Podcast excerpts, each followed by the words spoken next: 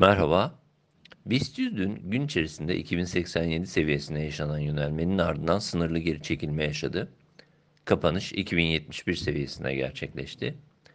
BIST'te sınırlı kalan aşağı hareketlerle birlikte yükseliş eğilimi geçerli durumda.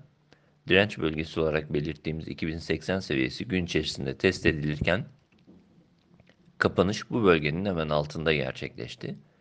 BIST'te saatlik periyotta ortalamalarda yatay eğilim, Günlük ve haftalık periyotta ise takip ettiğimiz tüm ortalamalar üzerindeki hareket geçerliliğini sürdürüyor. Dolayısıyla endekse yönelik olumlu teknik görünüm belirtmeye devam ediyoruz. Endekste 2080 seviyesini yakın direnç bölgesi olarak değerlendiriyoruz. Üzerinde saatlik periyot için ortalamalardaki yukarı eğilimin belirgin duruma gelmesiyle yükseliş hareketinin hız kazanabileceğini ve 2180-2280 bandının gündeme gelebileceğini yineliyoruz.